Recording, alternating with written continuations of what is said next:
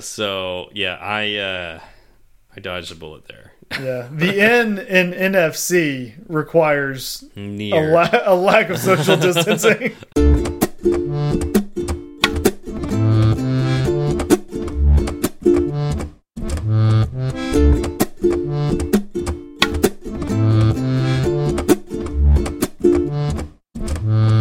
Hi, I'm Steve. and I'm Zach, and this is Fireside Swift. How's it going, Zach? It's going pretty well. How are you, Steve? I'm doing fantastic. Uh, you know, got off work uh, kind of you know little little earlier than normal, and uh, you know, so we're we're actually a little. Well, I would say like we're starting early, but we talked for like the last two hours. At least It's At least ridiculous. We have like the extra content for after show and stuff out of the way. Um, but now I've got to decide what's going to go in the after show. So we we started recording 50 minutes earlier, and yet we're only starting the show 15 minutes earlier than we typically do.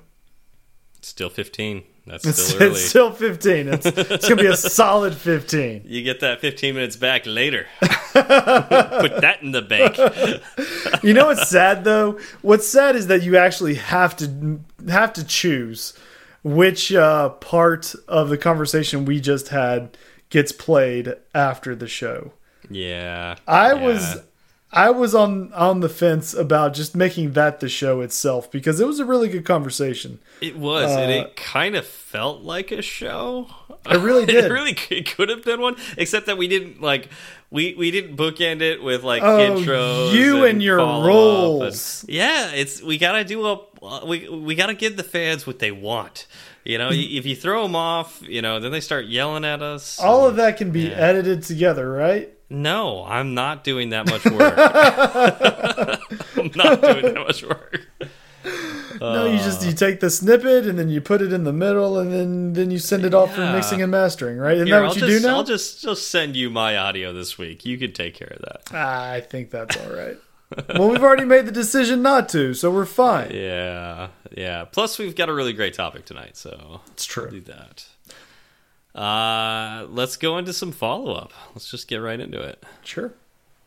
Yeah. So, oh, I guess I should lead this, right? Uh, No, I probably should. you- I probably well, should since you. What Hmm. do? You, do you want to do the the third one, or do you want me to? you do you, you do you, boo boo.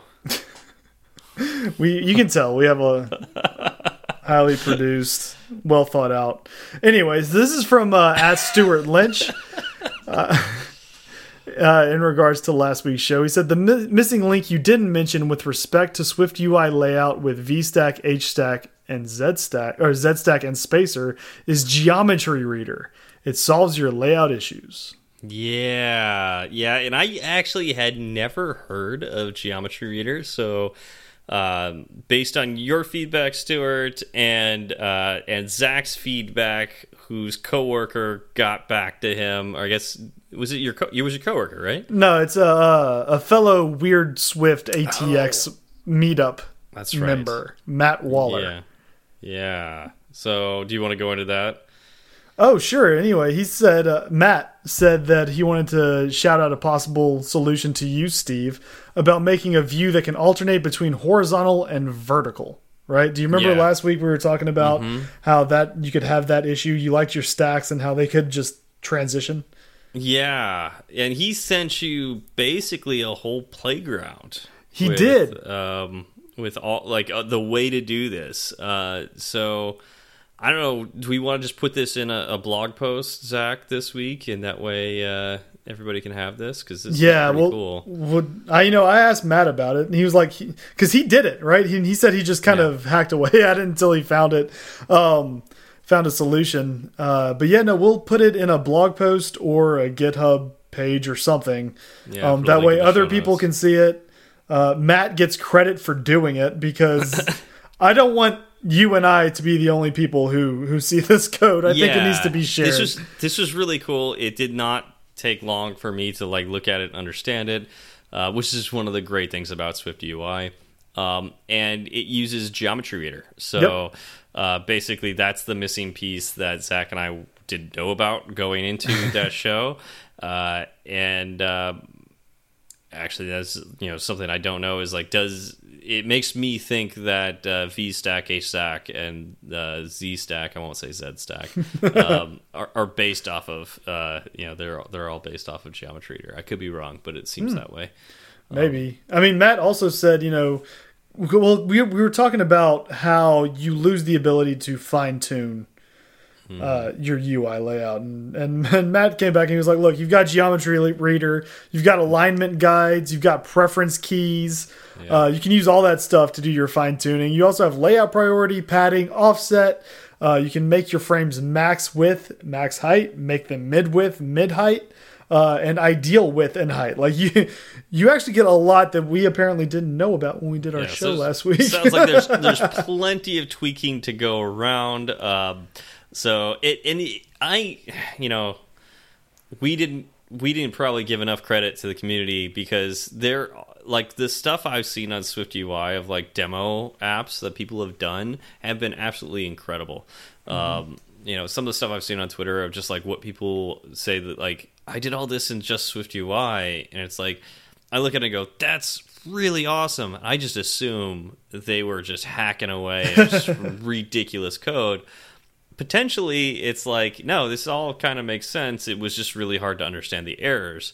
Uh, so that may be the the main barrier that's but swift ui in its of itself can actually do quite a bit. Um, mm. and this is something we're learning. You know we are learning the community's learning. Um, you know so we'll, we'll get better at it. Um, but uh, we also wanted to challenge ourselves to do swift ui episodes so we actually start thinking of it because um, you know i i know that I have not really gotten into Swift UI yet. Yeah. Um, and Zach, I think you're the same way, right? Yeah, pretty much. I'm on I'm on chapter four of Swift UI by example, so you know, yeah. I'm three chapters in. yeah. So uh, we we really wanted to like challenge ourselves and, and, get it out there, and we do want to do a lot more Swift UI episodes. Um, so as we learn more, we'll we'll uh, do episodes on it and as you teach us more, we'll be able to do more episodes yeah. on it. I feel like um, Geometry Reader should be up at the top of the list now. Yeah, we totally could. Yeah, I'm down for that. All right, I think you so. should probably take the next one. Uh, no, this one I, is definitely for you, Zach, since uh, you you had the question for uh, Christo here. So. But I I did the last two, so I wouldn't want to take any. Okay, take it away. So this this is from someone we've heard before who has since changed their Twitter handle. It's funny how many times that happens once people start talking to us. Anyway, it's from at Master Devito. I don't think he uh, changed his Twitter handle. I think it was for the review, right?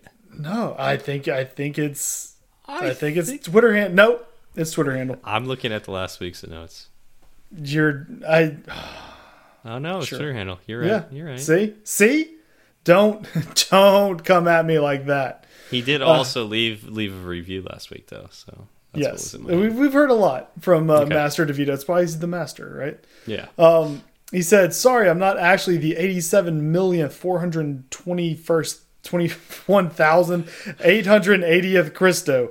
I'm just forgetful and never got around to changing it. I'm actually the first Christo, but shockingly, shockingly Christopher was taken. so he's Christopher, so he's actually the the first, right? Because yeah, because either way he's Christo. Yeah, either way he's Christo. Yeah. now he did he you know he didn't. I wasn't alone in uh, the callouts, right? He called you out too, though. Yes, he did, and he called me out for something that, like, as soon as it slipped out of my mouth, I already regretted it. Um, so thank you for uh, calling me out on it. Grok is not a word, never should be a word, and don't at me, uh, don't or email me that about it. Uh, yeah, and uh, I don't the funny thing is like I never use that word. I just like it's just not part of my vocabulary. I don't know why I even said it last week. It, it was so weird that it just popped out. Mm -hmm. It's funny um, how sitting in front of a microphone can kind of change what comes out of your mouth. Oh, it's yeah. Yeah. But anyways, yes, I I acknowledge that it was a mistake. Uh, it, it, was it wasn't it last week that yeah it was last week we talked about um, you know having a clean show and all that, and mm. here I am using like terrible programming jargon. Um, yeah. and you know somebody's gonna come at me probably like Joe Cab to say that's not just programming, but uh, it's a, Yeah, a he- weird, yeah, it's could a probably- weird, terrible word. Trace the etymology of it back to I don't know King Louis the Thirteenth court in France. Yeah, I could have sworn I've heard, not heard, but like seen Joe Cab use the word grok before in like a positive way. the way you said that in like a positive way, I don't comprehend why or how he was Exactly. Uh, we also heard from Chef Dave 2000. Obviously, this is the two 2000th Chef Dave. That's how this works. That's how this works. Uh, yes, a mask will break Face ID on your current iPhone, but disposable gloves will break Touch ID on your new iPhone SE. Either way, people will be putting in the passcode again. Yes, Touche. touche. And uh, it, I don't know if Zach, you and I talked about it just after the episode, that so it didn't get in the episode. We did talk about this, um, or uh, did we talk about it on the show? You I- mentioned gloves. I don't know. I thought I I, honestly I, don't I don't remember who's after I don't remember. That was so long Um, ago. But yeah, it was a week ago. Um, but um, I mean, since uh, if anybody's following the news on this, uh, and like what Apple's doing, by the time this comes out, the update's probably out. Uh, Apple is uh, working in the next beta to uh, to detect on Face ID if you have a mask on, and instead of taking a few seconds, it's going to immediately go to uh, putting your passcode. So obviously, putting your passcode is not quite as nice as Touch ID. Um, so I think the iPhone SE still wins on Touch ID unless you're wearing gloves, in which case, well, You know, just rip rip the what. tips of the fingers off all the gloves. Yeah, because that, that's what the gloves are useful for. Uh, and See? don't let don't take medical advice from Zach. I'm a problem solver. You're a problem. Full stop. Got it. It'd be fine. Uh. I, really, you just need one. yeah, because germs respect the fact that you only need one. Yeah, you just need one. Uh, so Zach, So, Steve, you ever go camping and you know really need to start a fire quickly? no, No, No. not ever. no, no. Like what if what if um all right, so you're out camping and you camped at a place where it's hot during the day but freezing cold at night and you let's say you've um completely neglected making the fire like you did everything else you um you went hiking you uh foraged for berries um dug a latrine A but that. you you yeah, a lot of that happening. didn't make a fire. Okay. Um, so you need to make a fire quickly. What do you do? I uh, Because strike otherwise you're gonna free, you're, you're gonna freeze to death if you don't do this. So. get a lot of tinder, strike a match, and um and let it burn. Okay, so let's let's say you don't have uh, like you don't have a knife. Uh, like you, you you all you have is like some sticks uh, and and whatever's in your pockets. Um, you know, go. What do you do? Okay. Uh, do I have lighter fluid in my pockets? No.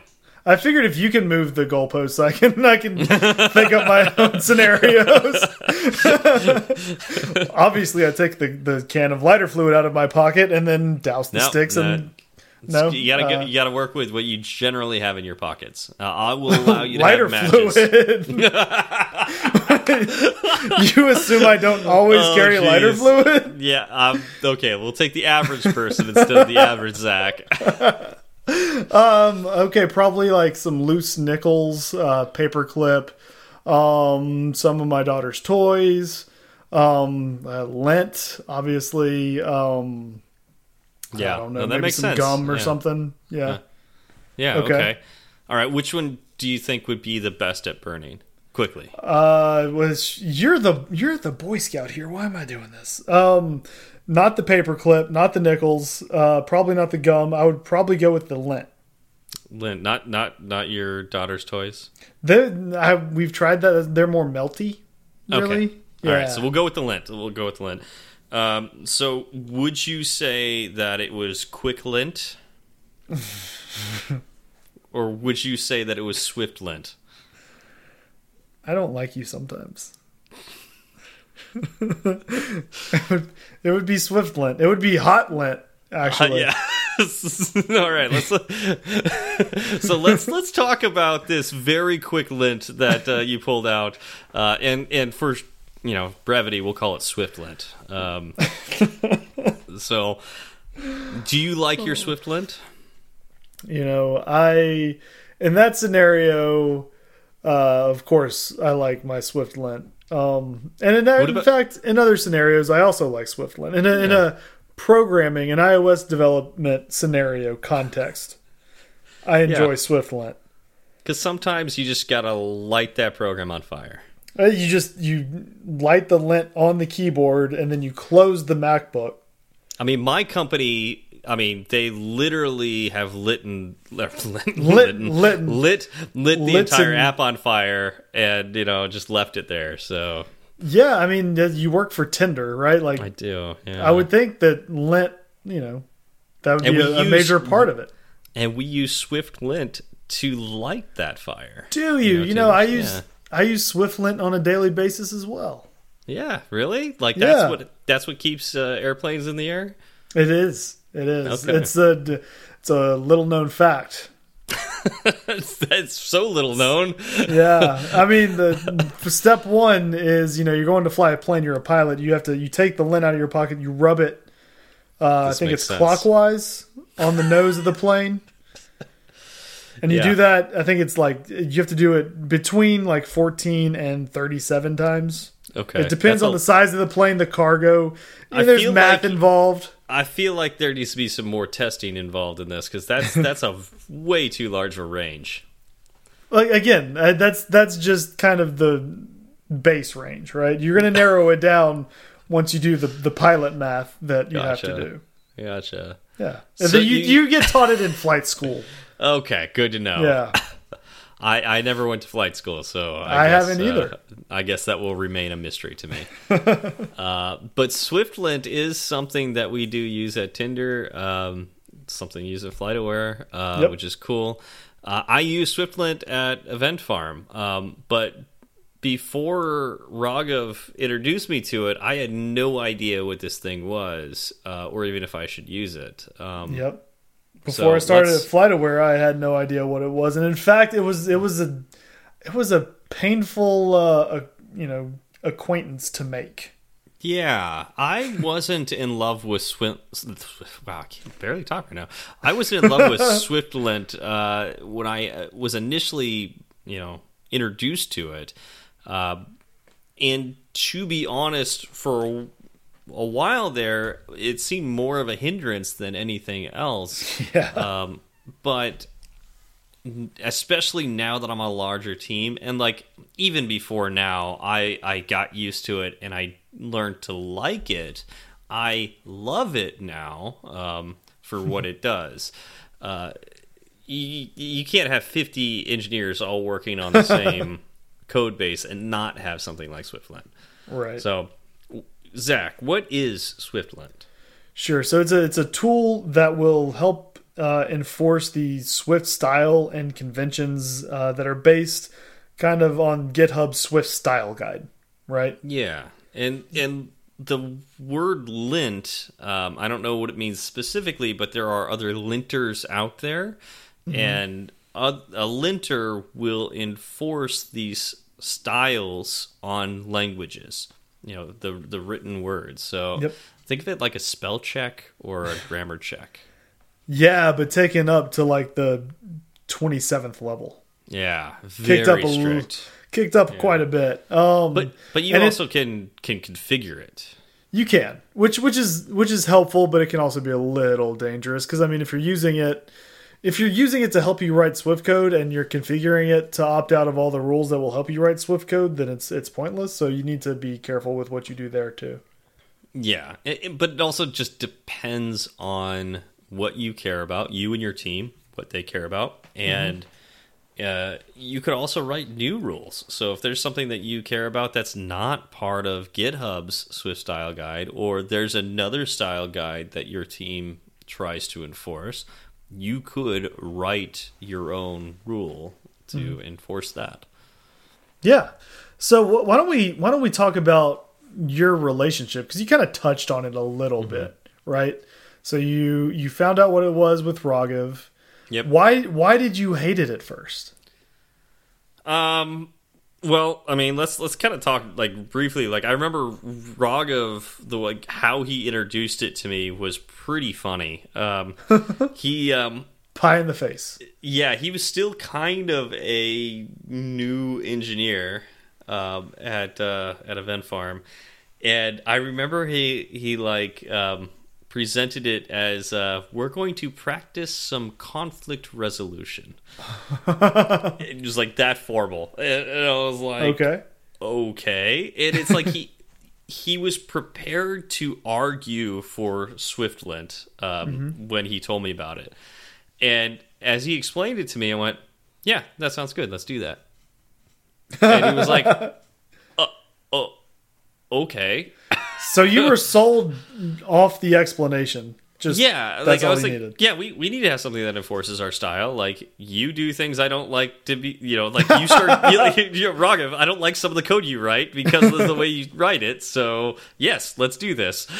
Mm -hmm. and so that wasn't the pain point. The pain point wasn't like going into Swiftlint, except you know the enforcement of it. Like when does this thing run? Like after he answered all those questions, like how you can make it automatic. Like you could set up your script in an Xcode so it'll automatically run every time you build. Yep. So warnings show up or errors show up that prevent you from you know going to the next step. Um, and so like after he explained that to me, I was like, yeah, this this sounds great because like you know, linters sometimes can add overhead, and this seemed like fairly low overhead. Like once you added it to your your code base, because of how you could add the uh, the scripts to run it within Xcode, and it and it's fairly easy to do that. Um, it didn't feel like that much overhead, mm -hmm. um, so that wasn't the problem. You know, that was something I was 100% behind. Okay. Where I ran into pain points was as soon as we added this to our code base and it started firing off all the warnings and errors. and it was like, okay, going through every single rule and then discussing because Raghav and I were the entire iOS team at the time. Yeah. Uh, you know, which if you had a larger team, this would be much harder to do. Yeah, but because worse. it was just the two of us, we we looked at a rule that we had errors for, and we went, "Do we care about this?" Disable. yeah, I mean, at first it was like, okay, we're, we can not build the app because of this rule. Let's disable it and come back to it. We did that. I went through every single rule that was like causing us to not be able to build mm -hmm. and disabled it. And then I then I went through all the warnings and you know wrote them down. Then we went through all of those rules and decided whether or not we cared. And if it was an error, it also led to writing like Jira tickets for fixing all of those points and then turning that you know that that broke that rule and then turning that rule back on. Mm -hmm. um, so that was more of a pain point. Uh, but then you know, inevitably, with you know practicing conflict resolution, uh, you have to come to compromises and compromises you know, you could say it's you know where everybody wins, or it's where, where everybody loses. Everybody loses, or maybe everybody loses. Um, but uh, you know, eventually, like there were some rules that like I felt somewhat ambiguous about, and we either enabled or disabled um, based on you know our discussions. And then later, I was like, I really don't like this. and so there were some times where it was just like I really don't like what this is doing, and I would forget about it. And um, I, I, know a lot of it had to do with white spacing. Um, oh yeah, white and, uh, spacing. Uh, I think Zach, you had some issues with white space for, too with this, right? Oh yeah, so it's it's interesting to hear your perspective, right? Because you, uh, you know, as the senior engineer on your team, you walked into SwiftLint open arms. You knew what it was. You understood it. Well, I Um, didn't know what it was until Raghav explained it to me. As soon Right, as he explained but- it, I knew what it was. right, but you what I'm saying is it went into your code base with you knowing what it was. yeah. I started at FlightAware without any clue as to what SwiftLint was. I had never heard of it before. Uh, it wasn't something that I studied up on. And it was Um, already in the code base. It was already in the code base. I wrote my own app without it, yep. meaning I wrote my own app without the guidelines it it enforces. Meaning, I broke all of the guidelines it enforces. Well, And if that you're was- right, if you're if you're writing good Swift, you're not necessarily going to break all of them. Well, it wasn't. It wasn't all of them, but the white space uh, rule was broken repeatedly. Right? Yeah. Um, I would just, you know, new line, and then another new line under that, meaning I would have some white space in the in the first new line. Um, Well, I remember. Did we talk about? Oh, like, okay, remember way way back when they announced in one of the WWDCs that they were doing over scrolling, and you were like, yeah, "I'm yeah, all for that. Yes, and I'm like. Oh, just I just throw in some extra new lines at the end of a file just just to push the the code up. So it's like it's not a big deal to me. yeah, Well, it's a big deal if you start using SwiftLint. yeah. SwiftLint does not like that kind of thing. no. Yeah, so that's what uh you know that's again what I would do. Um also there are rules in there that are, you know, file length, right? So you could set uh, you know, I only want my files to be 500 lines. Yeah. And none of my files were less than 500 lines, right? Yeah. Um and there I just got into these habits that were not compliant with what SwiftLint wanted. Meaning, when I started working at FlightAware uh, and was still unaware of what SwiftLint was, I broke them all the time. Like I would get PR sent back to me regularly for SwiftLint stuff. Right? Again, in my and also in my own project, I was used to having warnings. Like Yep. I would, I would have all sorts of warnings. It wasn't a big deal. It was a warning. It wasn't an error. That's Yep. it means you don't need to worry about it yet. um, yeah, I know. I, yeah, that's how it was too. now at, at FlightAware, we run with zero warnings, right? Yep. But when I first started working there, and a warning showed up, I, it wasn't a big deal to me, right? Yep. Yep. And then I learned that it was a big deal, and I should pay attention to them. Yeah, Uh, and that that's how we roll at Tinder. Um, and we use a, a CI. to you use a continuous integration uh, server? Okay, so that's that's how we enforce that that um, no warnings allowed. Because if our CI build server gets even one warning, you are not allowed to merge your code. See, ours ours isn't that strict um, because it's just myself and one other worker. Like I'm always PRing his stuff, he's always PRing mine, and it's it's just a manual check of the warnings. Okay. And if if we do have any warnings that do pop up and they aren't caught caught in PR, it's you know it'll typically be one right, and it'll be Yeah. like a a white space issue that we will just fix up as part of another ticket later. Yeah. Um, we don't have anything that has been a showstopper yet that has gotten by on on uh, PR. Yeah. So it was really hard for me to get in this mindset of writing code that fit this linter, but uh, because I'm doing it now, I feel like I'm I'm much better at iOS development, right? Like I'm I'm writing clean code that other people will understand. I'm Yep. sticking to these. Uh, I mean, they're, they're restrictions essentially, right? Um, how severe the restrictions are are up to you, um, and whether you enforce them or not are also up to you. Yep. But in general, you know, I'm I'm not leaving a bunch of white space everywhere. I have uh, I have file names that make sense and that you know the capitalization, the the camel case is correct. I whenever I uh, you know whenever I instantiate a dictionary or whenever I define a dictionary, I mean the colon has to be placed in the right place, or else SwiftLint will yell at you. Yep. Yes, it will. And, and and this is particularly great when like you don't think too much about it when you're doing your own personal projects or if Not even a little bit because I'm the only one reading that code. Yeah, you make your style decisions and you just roll with it. Um, Which typically, let's let's be honest, typically mean you don't make any decisions. You just write code. oh no, I, I make decisions. Like, do you put that else statement below the the if curly brace, or do you put it on the same line as the curly brace? That's a style decision. You know, where do you put the spaces in between an operator? So is it like x space plus space y, or is it x plus y? You know, no no spaces. You know, that's style choice. Uh, and if you do it, you know, like it, if you are somebody who is inconsistent, then yeah, and you don't make style choices like you do x space plus y sometimes and x space plus space y other times, you know, and you're okay with that, you're gonna struggle with SwiftLint, um, and you are the reason for SwiftLint. It's true. Um, if uh, you know, if you if you stay within your patterns, um, you know that you can.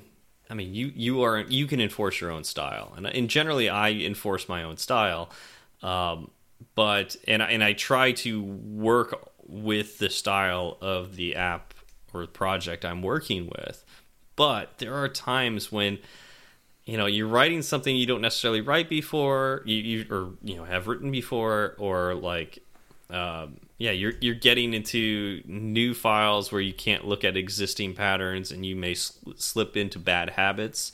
Um, in which case like something like SwiftLint, where it enforces style um, can be a huge benefit to you uh, where you can you know it can help you um, not confuse your coworkers or at least make them pull their hair out. Well, it's a you know it's a base level contract between you and the rest of the coworkers saying Yeah. at the very least this is how our code is going to be laid out. It's like a protocol for It, people.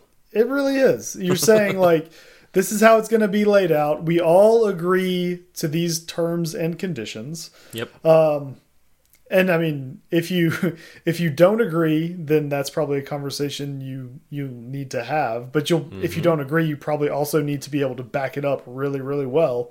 Yep. If you're going to try to convince people to turn anything off, Mm-hmm. um, and even even turning things on in some cases may may need uh, extra Agreement. proof. Yeah. yeah.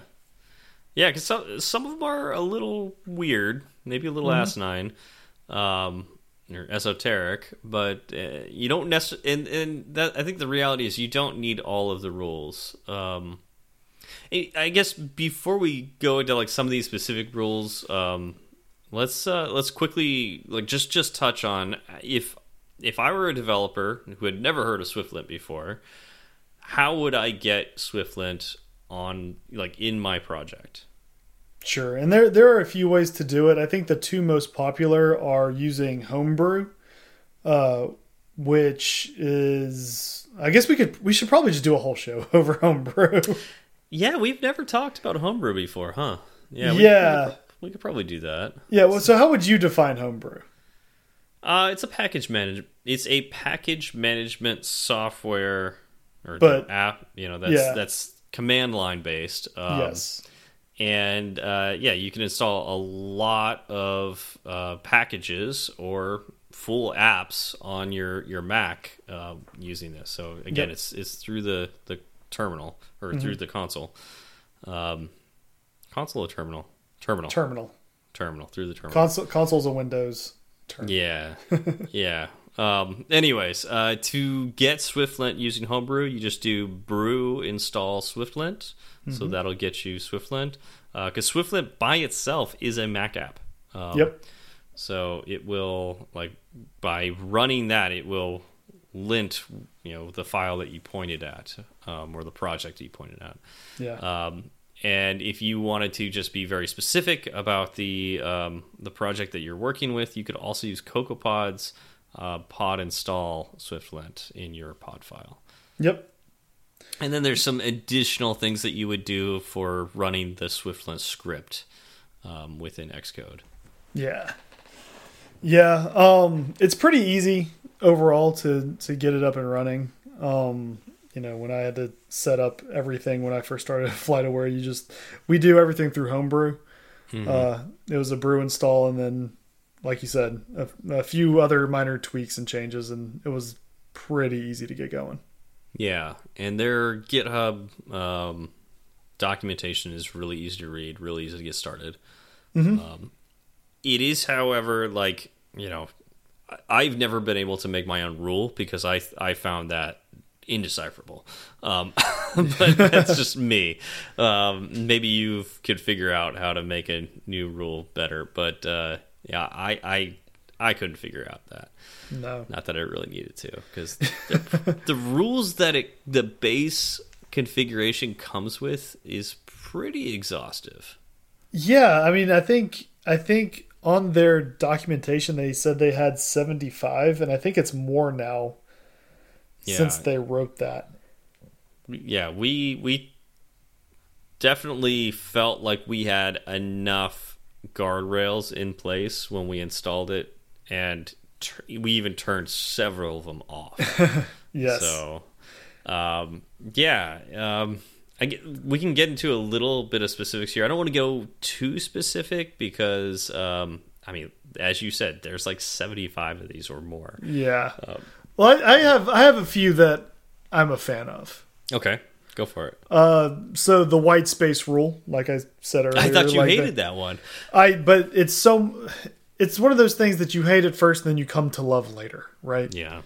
I hated it at first because it made my job harder, but it made my job harder because I wasn't doing things correctly. Yeah.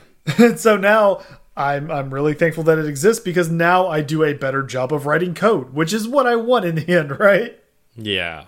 And I, I feel like I feel like you could learn to become a much better coder by just reading and trying to understand why these rules exist. Yes. Uh, when Raghav and I went through these these rules, particularly the ones that we had conflicts with, and we tried to argue our way through why we wanted to either leave the rule on or turn it off, we really learned, uh, you know, how to be better Swift programmers. Like, what does the community expect of us? You know, when we are formatting our code um, and uh, I really got a lot out of that. So I, you know, there are worse ways to spend a week than to go through each one of these and try to understand its purpose. And you know, something that we did not that long ago was actually um, opt in to certain rules that we either opted out of before or just didn't didn't opt into, but by default they're off. Um, and going through an older code base with new rules turned on is also eye opening. Yeah, I'll bet. Yeah, we had an uh so one of the rules that we now opt into is unused optional binding, right? Okay. So if What you say if let underscore equals some optional, right? yeah, okay, yeah, And then, you know, like that's it- that's your yeah, that's your That- if statement. You're basically checking to see if that optional exists or not, right? Is, is Right. nil. but you're not doing anything with what you're binding that optional to, right? It's just Yeah, the underscore. so it's You're doing an if let, but you're throwing away whatever gets unwrapped. Right, right. And so that was something that I had to go through and fix a lot of uh not that, long used, ago. That used to be a really common pattern. Like I remember seeing that in a lot of uh, like Stack Overflows and Mm-hmm. and uh, tutorials and whatnot. Like that was the accepted way for the community to un not unwrap, but um, to uh, check for nil, Right. um, for certain optionals. and because, you know, the code base I'm working in has been around for a while, there were like now we if we're going to check for nil explicitly, we will say, you know, does this uh, does this value or does this optional equal nil or not equal nil? And Yeah, then we like go if, from there. Yeah, if some optional value equal equal nil. Right. Uh, yeah, and that's like I that I went to that a while ago. Um, I, I I won't say like necessarily before the community. I I think it's before the community, but like um, I always felt wrong with throwing away uh, a value that we unwrapped because that's not what I'm doing. Like, Yeah. I need to check to see if this is nil, not to unwrap a value. And it, it didn't unwrap, so Yep. yeah, I, didn't- I never Exactly. liked that. So I, uh, you know, and that's what we're doing now. But no one went back through and updated all of the other unused optional bindings. Those still existed. Uh, Gotcha. Meaning, you know, if someone were to join our team and go through the code base, there's no telling which type of optional binding they would, or you know, nil checking they would come across first, right? Yep. Um, so I went through and fixed up a bunch of those. Uh, the to do rule is also a good one. Oh, if you have a to do, If you uh, have a to do, it will throw a warning. I I don't like that one. Why is that? But be because again, we turned that on recently and we went through the code and we were like, oh, this is There's this is something this is Yeah. something we wrote like three years ago that should probably be turned into a Jira ticket. Well, here's the thing, like with our to dos, so obviously we don't have that rule on at work. Um, we will do we will write to dos in our code base, but we will put the Jira ticket that it's referenced to there. And Okay. so that way we've got a Jira ticket. you know, like every to do has a Jira ticket associated with it. And then when you have a Jira ticket, you also know where in the code base it should apply. And also you can go well, like when you're you know running through the code and going, why is this thing the way it is? Instead of just going, oh, I got to write a Jira ticket and like doing it.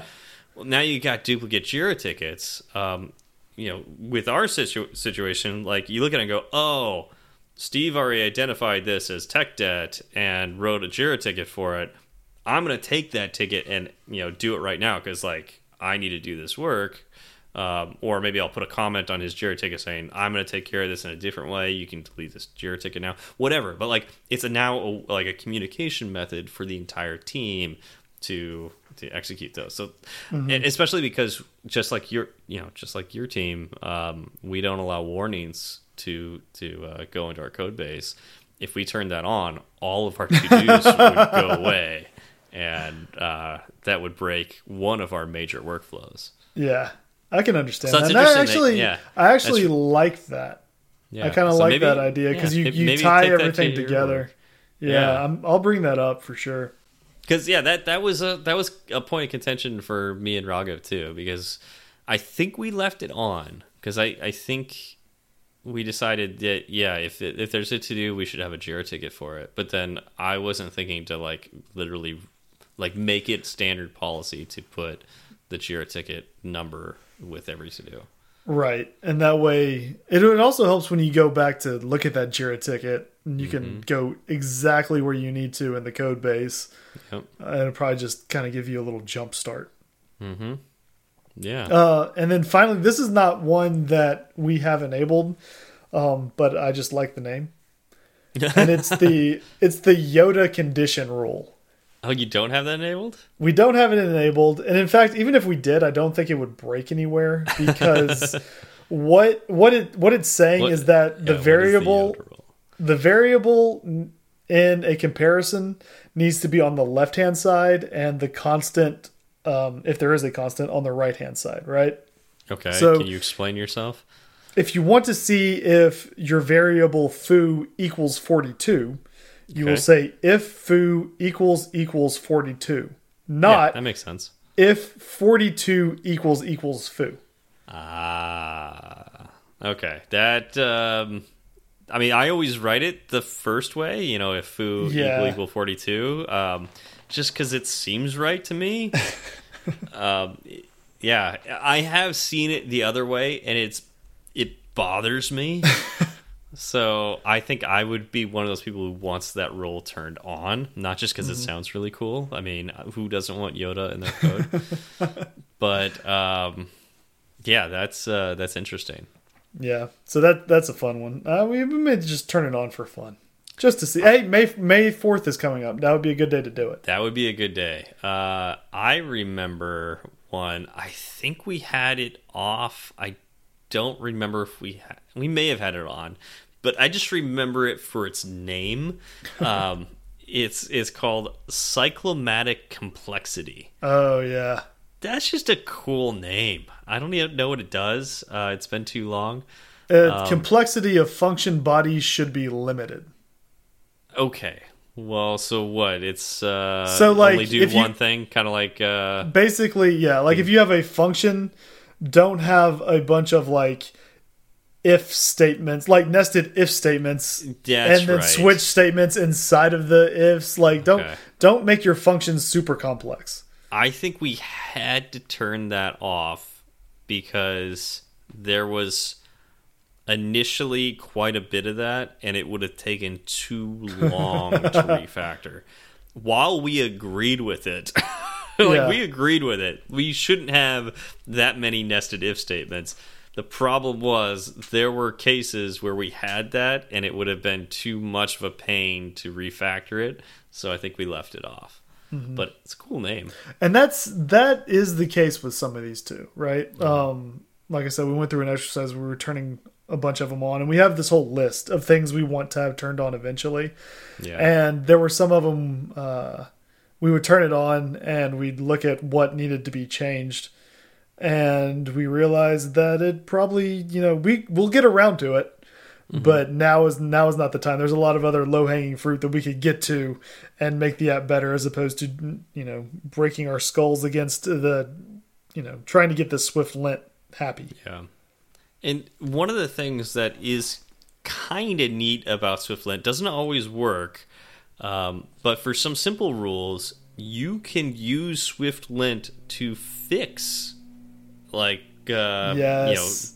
grammatical errors throughout It has an code. autocorrect essentially. Yeah. Um, you do. It's not truly autocorrect though. Um, you have to tell it to to run Right. it. Right. Uh, yeah, and it's it's through the terminal. Um, it's just like SwiftLint space autocorrect, um, and uh, it will attempt to fix the rules that you've broken that it has that it has the knowledge to be able to do. yeah. So like not it won't be able to fix all rules like that cyclomatic one. Um, That one, yeah, that would be that'd be impressive. At that point, it's basically impressive. Coding on its own. yeah, it's like why do we even need human programmers? You know, Exactly. when we let the computers do it. Um, but uh, but for stuff like white space, um, Mm-hmm. I remember there was a rule about um, new lines. Like new lines weren't allowed to have any spaces in them. So Yeah. it's like think about like what Xcode would do, like the default settings. If you hit, if you're like inside um, a, a class definition, we'll say, Yep. and you hit a new line to put a space between two functions.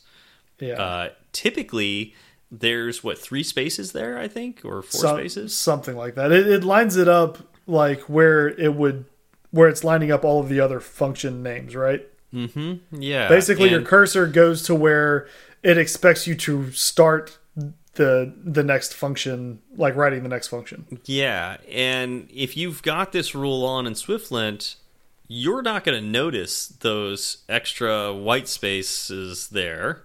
I can Uh, and personal experience. You will not. Yeah, yeah. And it's super annoying, um, you know, when you you run it, you try to build, and like I just put an enter in there, and like I just want to like submit my PR, and it won't let me. Um, so uh, there's a couple ways you could handle this. Um, one is this is a rule that SwiftLint can fix. So you know you could you could thank SwiftLint for it. You could just run autocorrect, and it will run through and remove all of those extraneous um, spaces that you that Xcode added to your code base by hitting new lines. Well, you could also go into your settings and fix that, uh, and so like that was something that was truly eye opening to me. Uh, and actually, I don't remember what the setting is, so I'm just like quickly looking at its Xcode preferences. Um, I want to say it's in uh, text editing.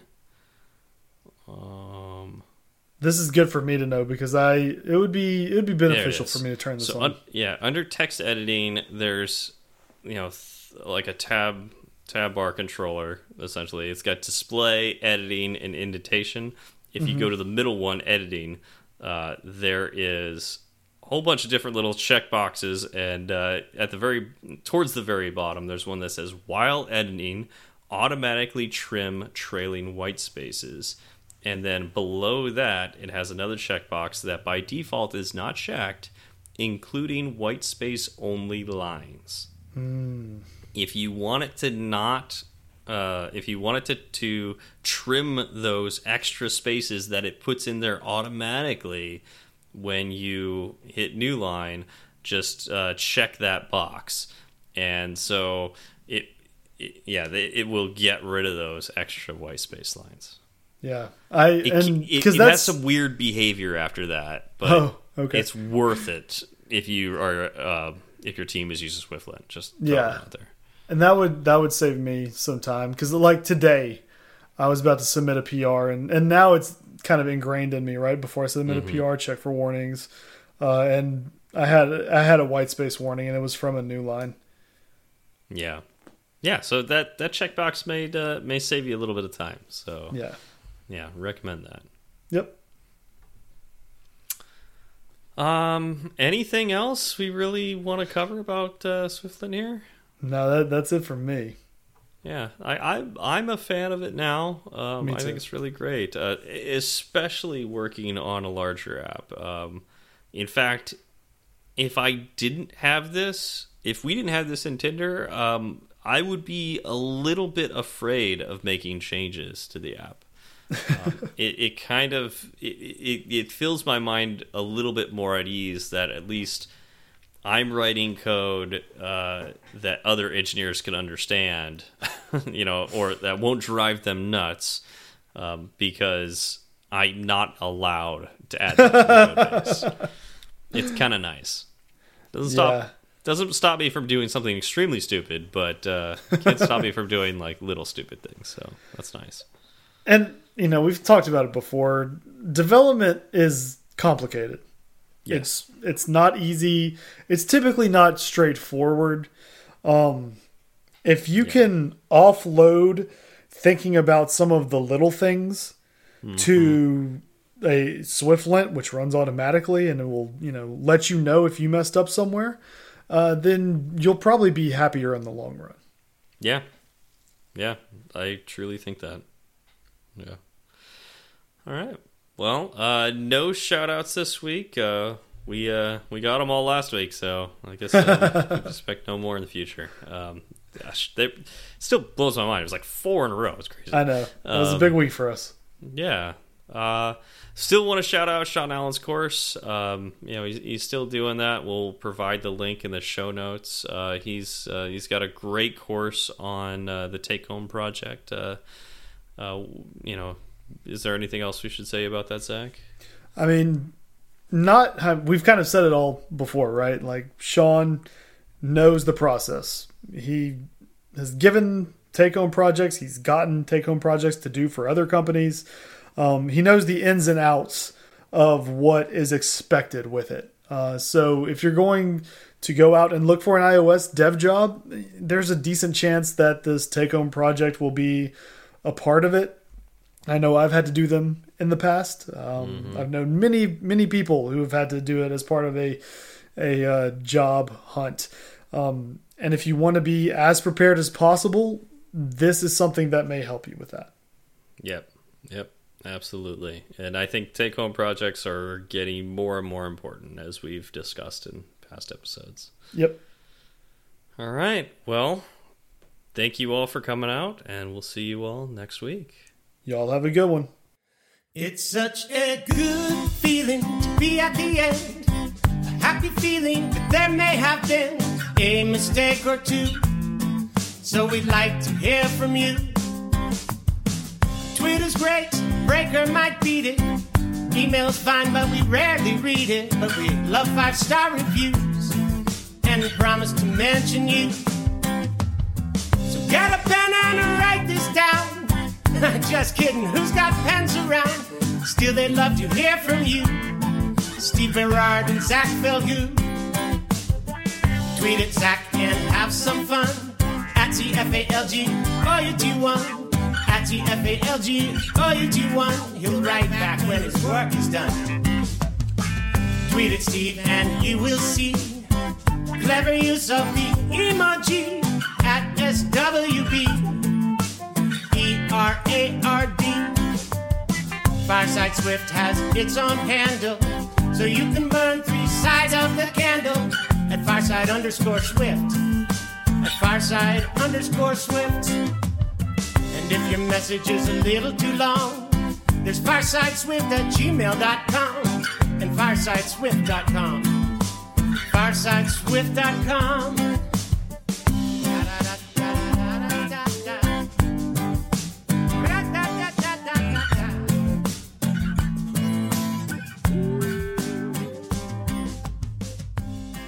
Yeah, so my uh, my Mac at work, um, it uh, it's been overheating. Um, Overheating, like well, see, how, how long does it take to overheat? I guess is So, the first question. Yeah, that's a that's a, that's a good question because it doesn't manifest right away. It's Right. like that's that's the number one thing. I haven't really figured that out yet. Like to know like what like how like from just plugging it in the way I used to plug in my Mac on my Mm-hmm. desk, how long it takes for it to to go into a crazy state. um, because it seemed like it was fine for like a week, so it makes me think that like something hardware wise went bad with it. Mm-hmm. Um, but uh, yeah, like the actually, you know what? The first week manifested. Like as soon as I had like uh, uh, I plugged in. Uh, m- well, I guess I should say like my desk. On my desk, I've got my Mac. I've got um, two 27 inch monitors that plug in via HDMI. That's a lot of that's a lot of screen real estate. it is, and it, and I, I mean that's because like when Event Farm moved offices, we had so many extra monitors because we went to a smaller office um, that uh, we were just going to throw them away, and not like throw them away. We were going to like recycle them, Right. but like they were going to get tossed, and uh, so I really didn't want two giant monitors, but I thought, well, I'll just grab one of them. Well, my roommate grabbed another one, and and he decided that he didn't want it because it was too big, and so we had these two very nice 27 inch monitors, and I was using one, and I thought. I don't want it to go to waste, so I decided to like try to figure out how to get it on my desk, and it, works. Like, Does it? Does it really? well, here here's the problem. They fit on my desk, except, and here's Mm-hmm. the except part. Um, I feel like this is I've- gonna be a pretty big accept. I've got these two holes cut into my desk for cable management. Like you know, you know what I'm talking about. It's Right. got like this circular plastic thing, and you just feed the cable in. Right. I can't fit the monitors without overlapping those like cutout holes. Both of them.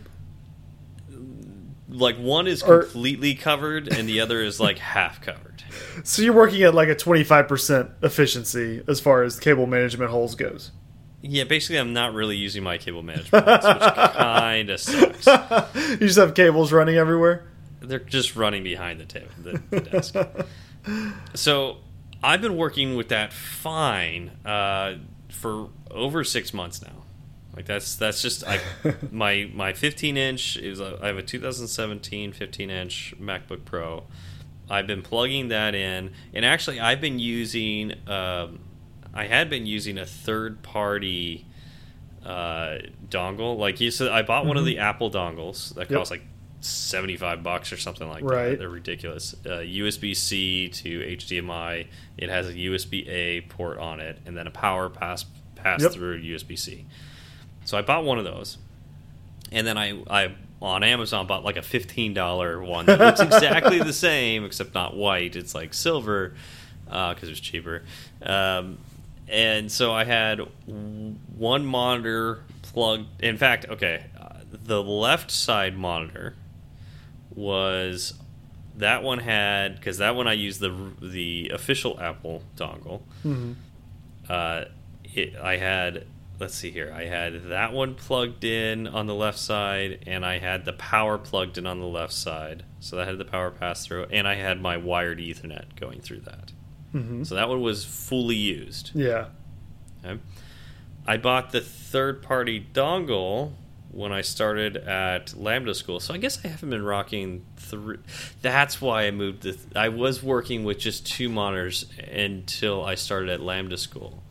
When I started at Lambda School, I decided that it would have been nice. Like, after talking to Ben, he convinced me to do a, a, a second monitor. So He's always such a bad Third monitor. influence. he really is. Um, and so, uh, yeah, so I guess it was November. Since November, I've had this set up. Um, so I bought this third party dongle off of Amazon, grabbed that, that extra monitor that we had lying around, and set it up on my desk. And it's been great since then. I, I had, and so that third party uh, dongle, all it had plugged into it was the um, that that second monitor and uh, the USB to the microphone hmm that I would most of the time have unplugged. Right. Okay, so that was my setup from November, really, until now. Right. Uh, I just assumed that I could just take this brand new 16 inch MacBook Pro Oh. should be better in every way Oh, than Steve. my 2017 15 inch MacBook Pro. How long have you been Um, buying Apple products, Steve? I plugged it in. One of the first things that happened was uh, within the first week. Uh, let's see here. Within the first week, I was having issues with. Um, I'm trying to think. I'm just trying to think the order of these things. I think I think within the first week I did get this kernel task that like that was starting to spike, yeah. and so uh, somebody recommended plugging in the power on the right side instead of the left, and I thought weird. Yeah. That sounds like um, that sounds almost like witchcraft. Yep, I didn't think it would work, but and in fact, I don't even notice. I don't know if I noticed it was the kernel task at that time, but um, my my computer was running slow. I mentioned it on like the IT channel, or even or maybe just one of the the the iOS channels, and they recommend moving it to the right. I tried it. Problem went away almost instantly. I went, Wow. okay, cool, whatever. All right, what? Yeah. Yeah, I can plug it, in over there. That's fine. Yeah. it's fine. Yeah, I mean, it's a, it has to travel a little further, but yeah, not a big deal. Kind of annoying, but whatever. Um, it, it all, kind of. It also just kind of weirded me out. Uh, the, the, the next thing that happened was um, because I had, yeah, because I had the third party dongle on, and this happened on the same day because I had the third party dongle on the right side. Yep. The TPD. Yeah, that um, now that was now that was actually receiving power. uh, with I think it was about an hour or two later, my right monitor started flickering and turned off. I thought that was weird until I felt the dongle itself with my hand and almost burnt my hand. Um, it was crazy hot. Um, yeah, so I, uh, I, uh, oh, I forgot. I also had on my left side um, a US a four port USB A hub plugged in. Okay. So the t both ports on my left side were used. Right. Um, so I unplugged the monitor and cable. Eh, Basically, I, I was I was going. I, I swapped the dongles. I just smacked them. I was about to say. Yeah, I, sw- I swapped. I swapped the dongles, but before I plugged in the one, the third party one, I gave it a couple hours to cool down. but uh, you know, so let let this be a lesson to uh, to to you. Uh, do not buy third party uh, USB C dongles yet because uh, they could destroy things. Like they, it's yeah. Be careful. Oh wow, I've, Makes a I've, difference. I've had a third party dongle. But I mean, that was what I bought, uh, and it's it's from Anker, I believe, um, and it's USB C. Uh, it's got a USB A port, HDMI port, and a power port on it. Anker's pretty good. They've got Yeah. pretty high quality stuff, so maybe they're fine. and but it's been okay. But I'm sure Yeah. you know, like someone else probably has this exact same thing that I have, and they are having issues with it. Right? yeah, That's Well, just the okay. nature of tech. So and I and I think my USB hub was Anker. Okay. So, so I, I eventually plugged in my uh, the the third party dongle on the left side, and uh, you know after it cooled down, I think I think we're on the next work day. I'm working. The left side, the left monitor starts to flicker and turn off No. um, I feel the I feel my third party dongle thing, and it's uh, it, it's scorching. Uh, although it's it, it wasn't as hot as it was before, but it was definitely something was wrong with it. I thought, okay, well maybe it's the port. So I just like take it out of the port. I swap it with my four port USB hub. Uh, I shortly thereafter, I, I don't I don't know how many minutes passed, but shortly thereafter, I hear a pop, Oh. um, and uh, I sm smell burnt electronics. no. I think it's the I think it's the dongle. It's not the dongle. no. It was the uh, the four port USB adapter or hub USB hub, Oh. uh, which which sucks because that did I mean that wasn't overheating or anything like that, but right. I don't know if uh, the the dongle may have done something to the, The the? Thunderbolt port. Yeah. Uh, it, and it was like outputting you know way too much power or something. I don't know, or that port has always been bad, but it seemed to have fried my USB hub. Oh Uh, no. And like I said, I was Anker, so I don't know if it was like the hub just went bad, or, you know, or Mhm. and it. And, and the funny thing is, I got that hub through Apple. right. So that was that was through the um, the VR thing when I bought my uh, my original Mac or you know, my my other Mac. Was the uh, was the port fully utilized? Were you using all four ports on the port? At that point in time, I wasn't. Okay. Oh oh oh of the USB hub. No, Yeah. I was only using two. okay. Yeah. So and it didn't destroy the things that were plugged in. That was the next question. yeah. Those were fine. Uh, I Yeah, had to do man. a couple tests to see if that was actually the case, but yeah, Those- those, things were fine. Those cascading failures really suck. Yeah, yeah, yeah. this so went was- out, and then think- everything I had plugged into it went out. yeah, and this is probably the lesson to buy Anker because, like, even though it failed through obviously um, uh, some sort of static discharge, um, you know, an ESP of some kind, uh, or sorry, ESD of some kind, um, it uh, it didn't it didn't continue on through the components that were plugged in. So that shows Yep. good electrical engineering that they they handled that. Yep. Um, but uh, it was depressing that I had to throw away this uh, this hub that was yeah probably expensive. Uh, But oh well, I, I mean I've had it for like three years, so whatever.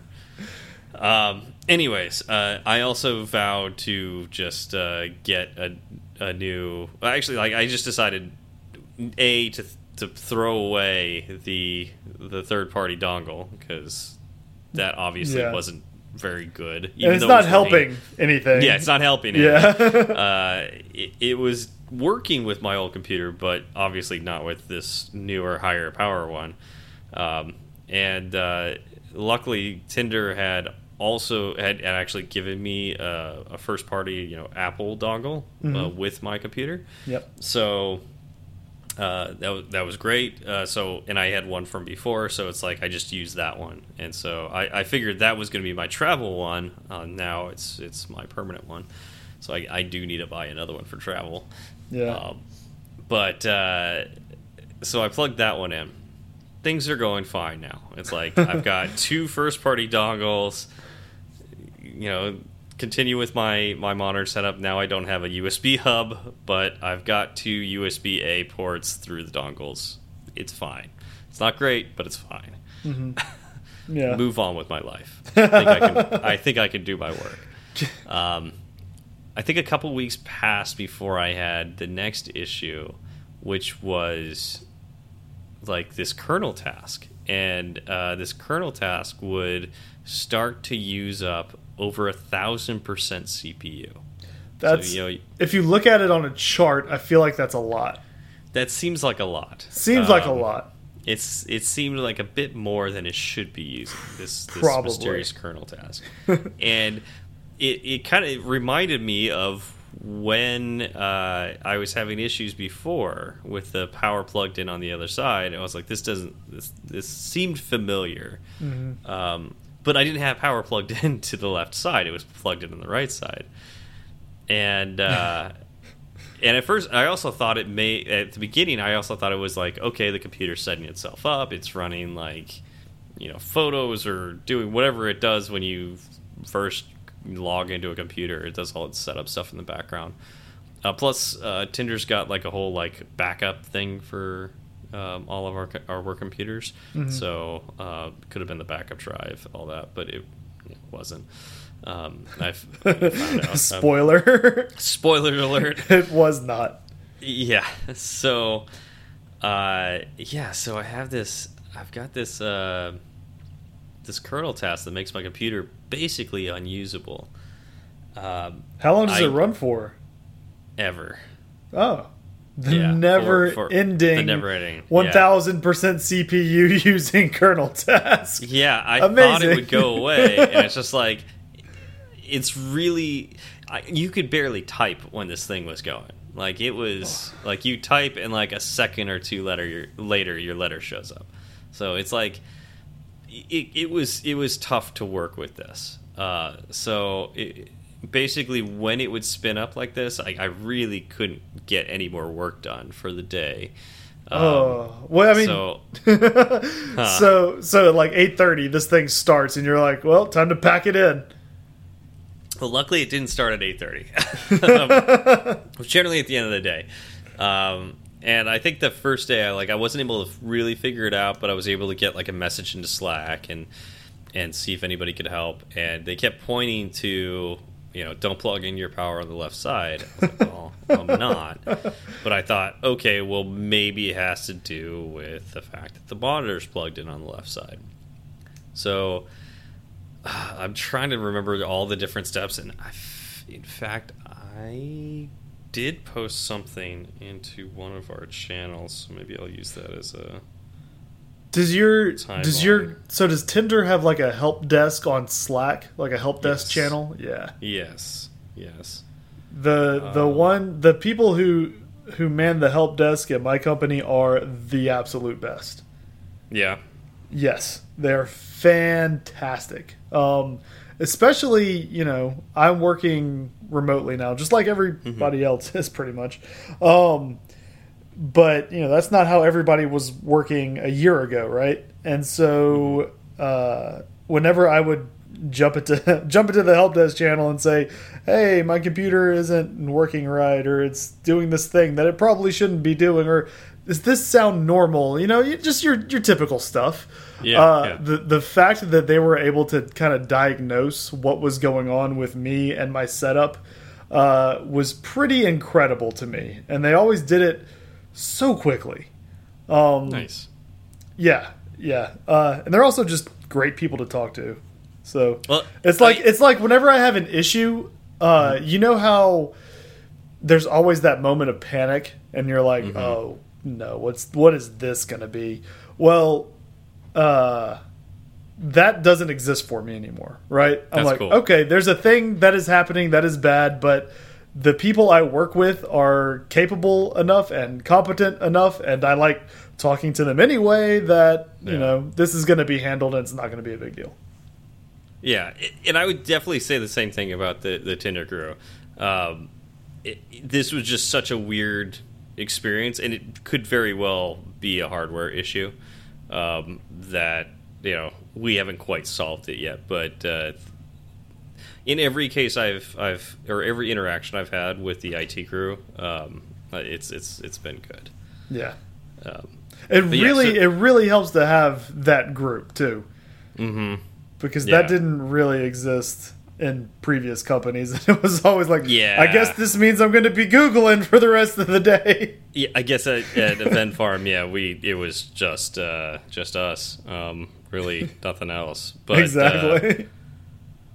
we also worked with like reliable hardware. We used the 2015 models. I mean, Apple has definitely changed. I think. yeah, it's true. some ways better and some ways worse. and this is one of those ways. Um, let's see here. So the first thing I did was like I unplugged the monitor and it did go away.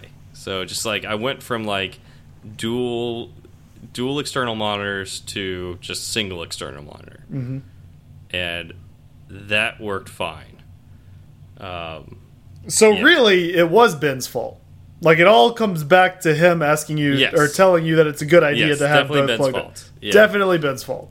and and I was able to verify that that was truly the problem because like uh be, as soon as I, I got like IT people looking at it and like ask me questions and whatnot uh, when I would plug it back in within a few minutes that kernel task would spin up again to you know 300 400 thousand percent and it's like ridiculous uh, CPU usage um, so like that that ended up being a problem, like or at least that that seemed to be it. So I was like, all right, well, let me try. I think I then tried plugging them both in on the right side, and that seemed to work for a little while, a little while, and then the CPU, or then you know after a little while, the the spike happened again, and I was like, oh, I literally can't plug in two monitors to this computer. This is ridiculous.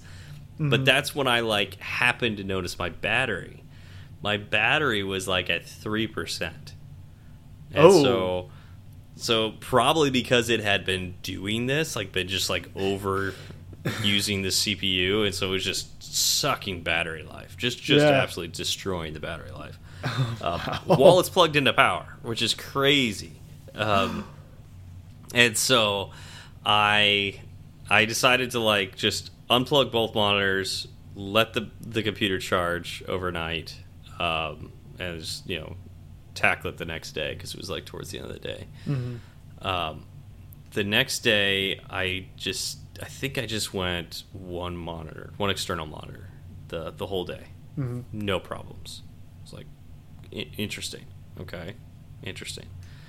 Um, I think I, I don't remember all the, the intervening steps, but at the end of the day, at the end of the day, I just I figured out what works for me is to have them both plugged in on the right side and maintain battery life over fifty percent, which is easier said than done.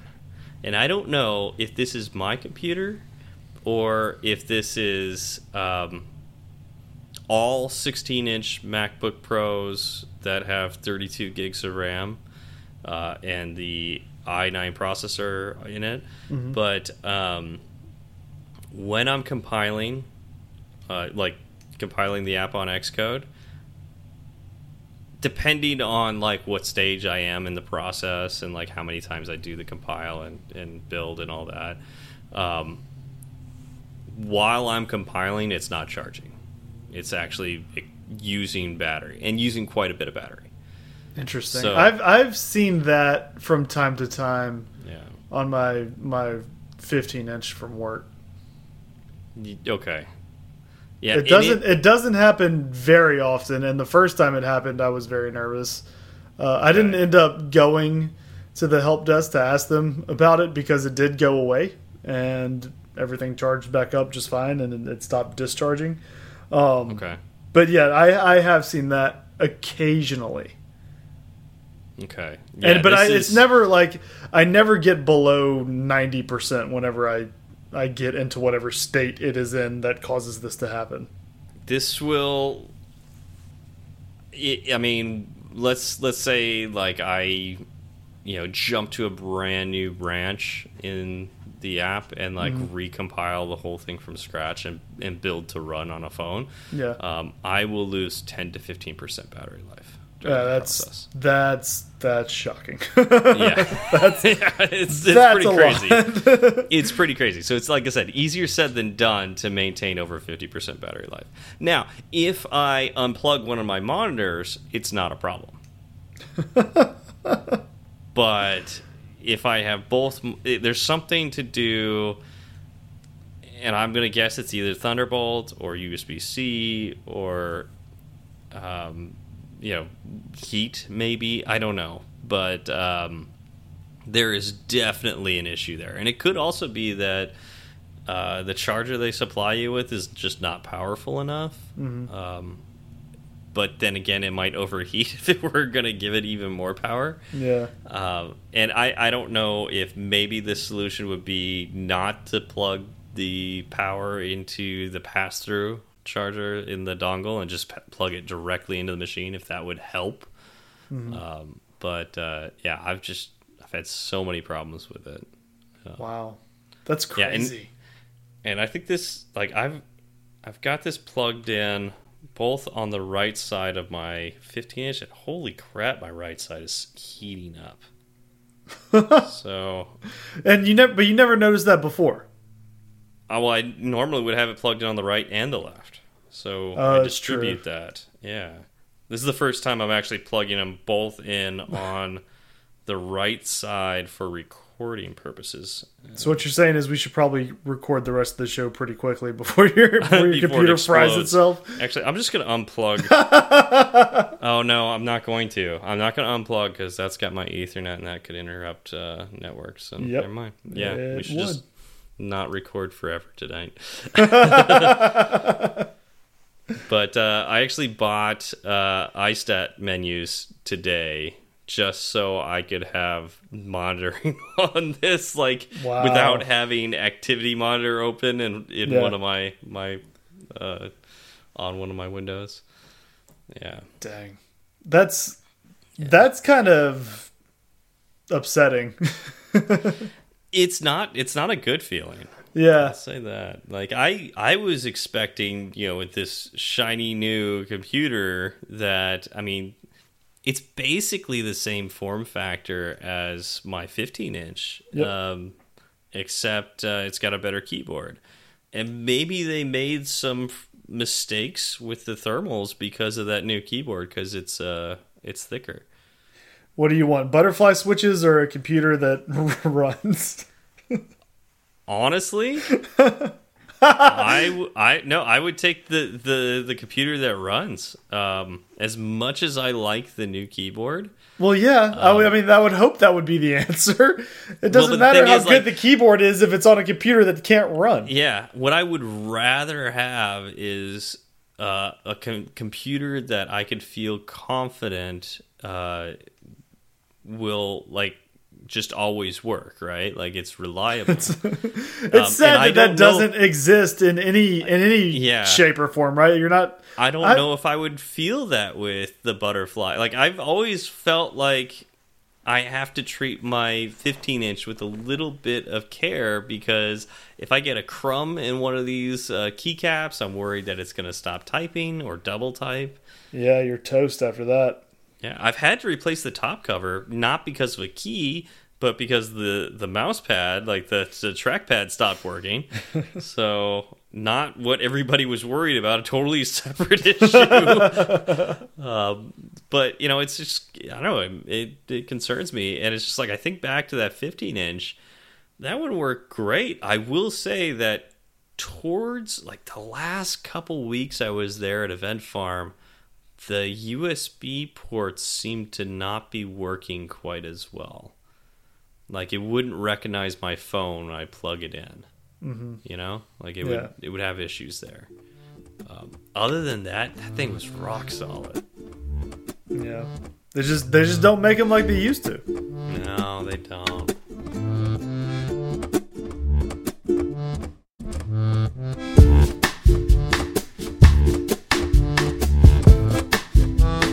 Ding. That's for that's for Mr. Mc- McSwiftface.